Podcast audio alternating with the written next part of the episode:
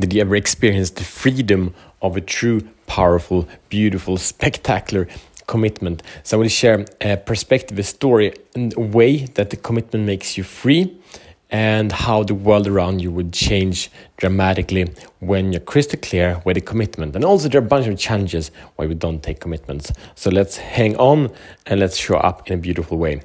So, welcome to Show the Fuck Up podcast. My name is Matt Fyron, and this show is for men that are ready to free themselves from the prison of playing small and unleash their personal greatness.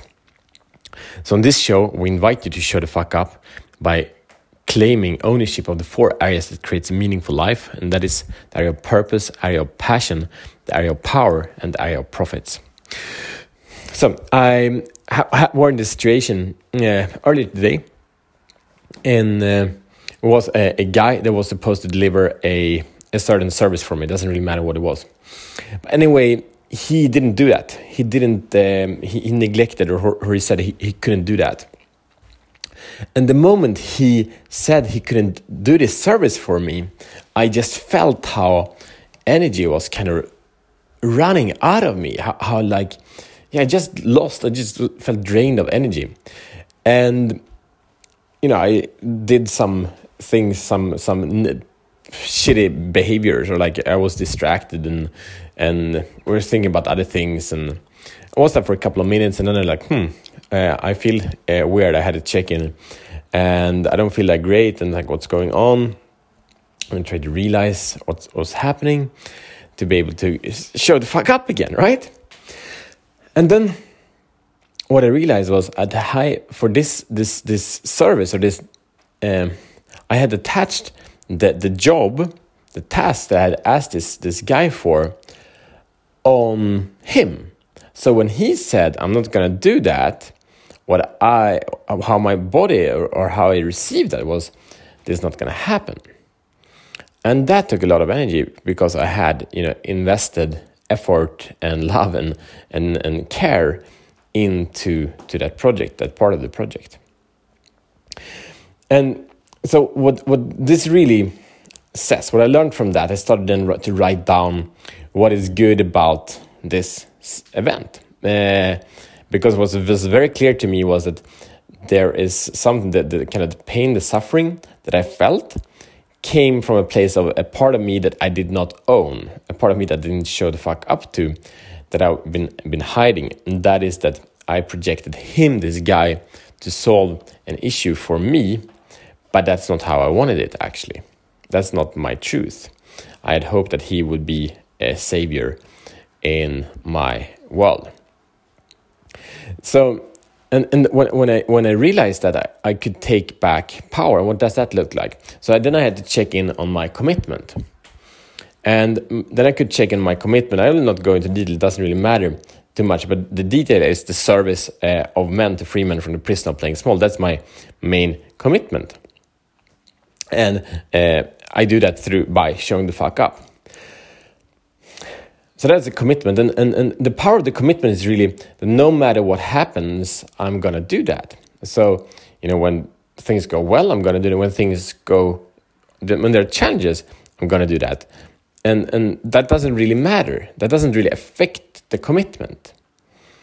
But then, um, and, and in this case, also was a commitment. Okay, here is a, a strategy to execute my my mission uh, so I was committed to that strategy as well.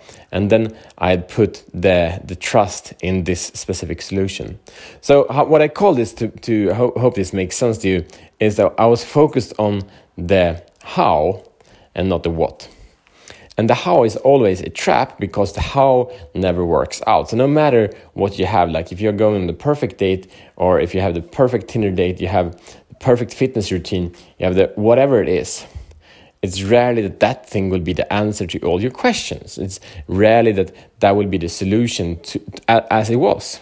And there's nothing, it's not something wrong with the solution. It's just we usually have to evolve. Things usually take longer time, usually takes more work. And there's nothing bad with that if we realize that. But when I had in this situation projected my solution to this guy and he uh, rejected, uh, rejected this opportunity, I lost power because I had equaled him with the whole thing, the whole project, and therefore also my whole mission. So what I actually, what my system, what my subconscious read, uh, um, that I, that I experienced through the draining of my energies was that now this guy is not up for it, and then I'm losing my mission. Then I can't play. And, and with that realizing, that was the realization, that was understanding that drained energy. So anyway, I, I made this list of the good things about this and, and all the learnings.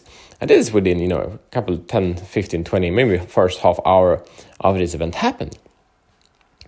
And um, what, what I then can, can, can share with you is really the key is what are you committed to?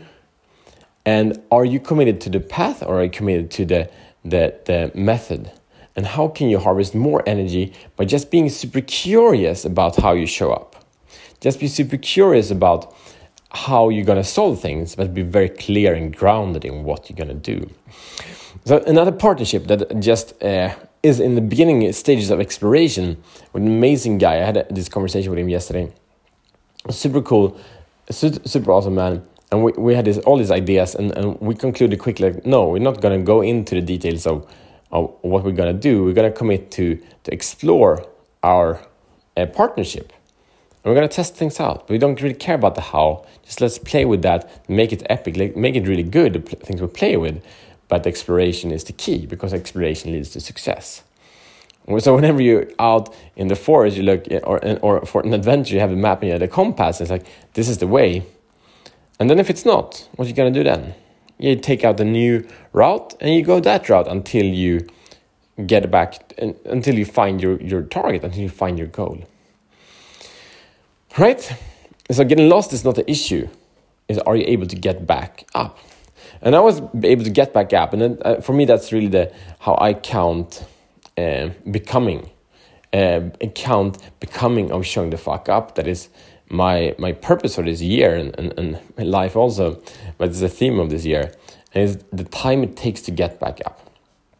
So I'm really having grateful for this. I could turn around, could uh, harvest a lot of lessons. So this thing that seemed like a a, a downfall actually became a great gift. Uh, so what, what I've seen now that this gift, because I have bigger negotiations ne next week uh, without receiving this gift today, I would have come in with these projections next week. So now I could harvest and ground this in myself and continue to do that coming days. And therefore, I'll be able to step into more power. So the question is for you, like, how are you doing this? How are you letting your energy out? How are you letting doubt in yourself in when things doesn't go as you want in the strategy that you have committed to? And how can you level that up quickly, powerfully? Now. The mission you choose to accept is one, share, clear, clarify, write down one commitment you have in your life. And number two, get clear what are the actions, methods that you are working with to achieve, fulfill this commitment. And number three, how is your evolution evolution process to make sure that your process is on the edge at all times so you don't fall back. I hope this was a valuable uh, story for you and that it makes sense as well in your life. And we all have commitments uh, consciously or subconsciously. So um, share this episode with a man that is uh, losing energy, that takes more time to get back than they have to. And then we can grow stronger together and make a beautiful world. That's it. I see you tomorrow as better men.